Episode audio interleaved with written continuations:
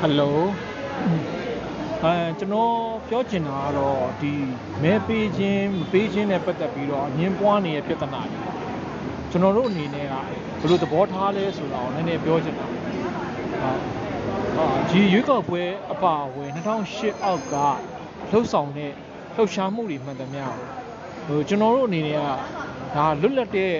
အာဒီဒီမိုကရေစီစံချိန်စံညွှန်းနဲ့ပြည့်မီတဲ့ ဟိုနိုင်ငံရေးပြုပြင်ပြောင်းလဲမှုတွေလို့ကျွန်တော်သဘောမထားပါဘူး